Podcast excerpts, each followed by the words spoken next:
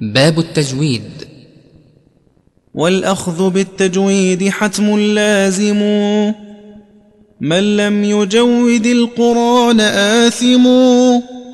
لأنه به الإله أنزلا وهكذا منه إلينا وصلا وهو أيضا حلية التلاوة.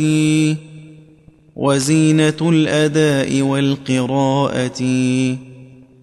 وهو إعطاء الحروف حقها من صفة لها ومستحقها.